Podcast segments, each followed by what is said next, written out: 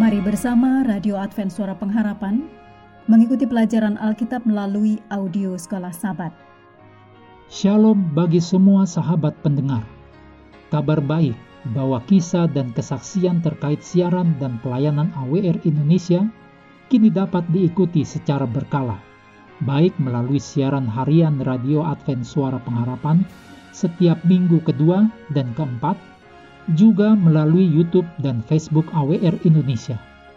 Terima kasih banyak untuk yang sudah menyampaikan dan masih terbuka bagi Anda semua untuk segera SMS atau telepon ke nomor AWR di 0821 1061 1595 atau di nomor 0816 1188 302 untuk WhatsApp dan Telegram kami tetap menunggu dukungan Anda.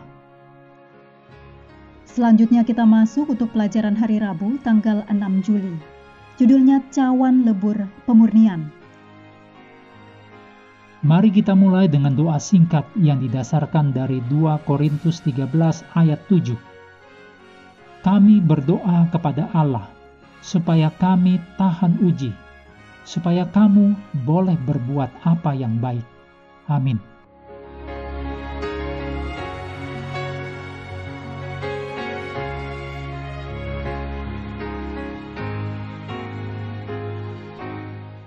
Yeremia 9 ayat 7 Sebab itu beginilah firman Tuhan semesta alam. Sesungguhnya aku mau melebur dan menguji mereka. Sebab apakah lagi yang dapat kulakukan terhadap putri umatku? Berikut ini kutipan dari Oswald Chambers, My Utmost for His Highest, halaman 271. Jika roh Allah mengingatkan Anda akan firman Tuhan yang menyakitkan Anda, Anda dapat yakin bahwa ada sesuatu di dalam diri Anda yang ingin Tuhan sakiti sampai sesuatu itu mati. Bagaimanakah Anda memahami kutipan dan ayat Alkitab yang tadi disebutkan? Apakah pengalaman Anda sendiri dengan rasa sakit yang terlibat dalam proses pemurnian? Bacalah Yeremia 9 ayat 7 sampai 16. Lanjutan dari perikop dosa dan hukumannya. Allah berkata bahwa Dia akan memurnikan dan menguji dalam New Revised Standard Version atau melebur dalam King James Version.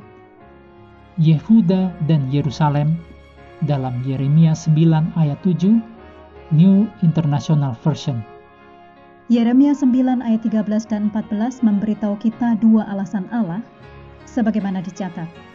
Ayat 13, berfirmanlah Tuhan, oleh karena mereka meninggalkan Tauratku yang telah kuserahkan kepada mereka, dan oleh karena mereka tidak mendengarkan suaraku dan tidak mengikutinya. 14, melainkan mengikuti kedegilan hatinya dan mengikuti para Baal, seperti yang diajarkan kepada mereka oleh nenek moyang mereka. Berikutnya, pemurnian akan terjadi, sebagaimana dicatat dalam Yeremia 9 ayat 15 dan 16. Sebab itu, beginilah firman Tuhan semesta alam, Allah Israel. Sesungguhnya, aku akan memberi bangsa ini makan ipuh dan minum racun. Aku akan menyerahkan mereka ke antara bangsa-bangsa yang tidak dikenal oleh mereka atau oleh nenek moyang mereka dan aku akan melepas pedang mengejar mereka sampai aku membinasakan mereka. Pemurnian dan pengujian Allah melibatkan tindakan drastis. Mungkin ada tiga alasan mengapa pemurnian dan pengujian dapat terasa seperti cawan lebur. Pertama, kita mengalami rasa sakit ketika Allah mengizinkan keadaan terjadi untuk membuat kita memberi perhatian kepada dosa kita. Beberapa saat sebelumnya, Yeremia dengan sedih menulis.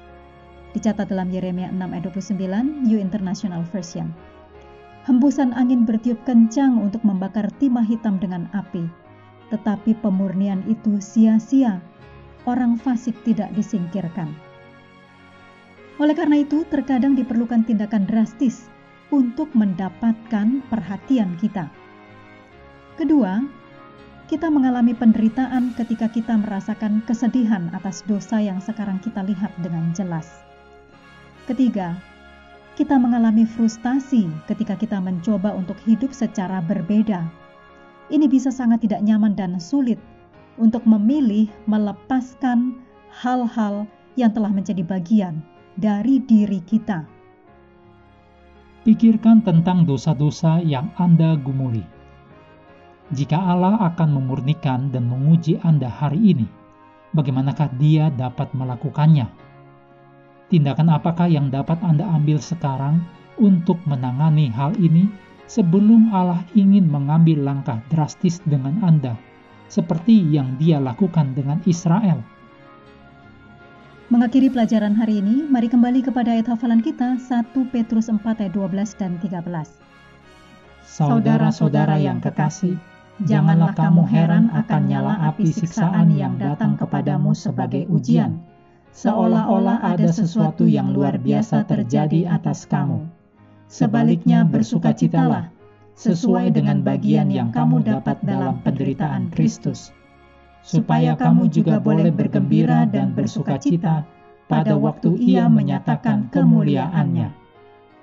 Hendaklah kita terus tekun mengambil waktu bersekutu dengan Tuhan setiap hari, bersama dengan seluruh anggota keluarga, Baik melalui renungan harian, pelajaran sekolah sahabat, juga bacaan Alkitab sedunia percayalah kepada nabi-nabinya, yang untuk hari ini melanjutkan dari ulangan pasal 21. Tuhan memberkati kita semua.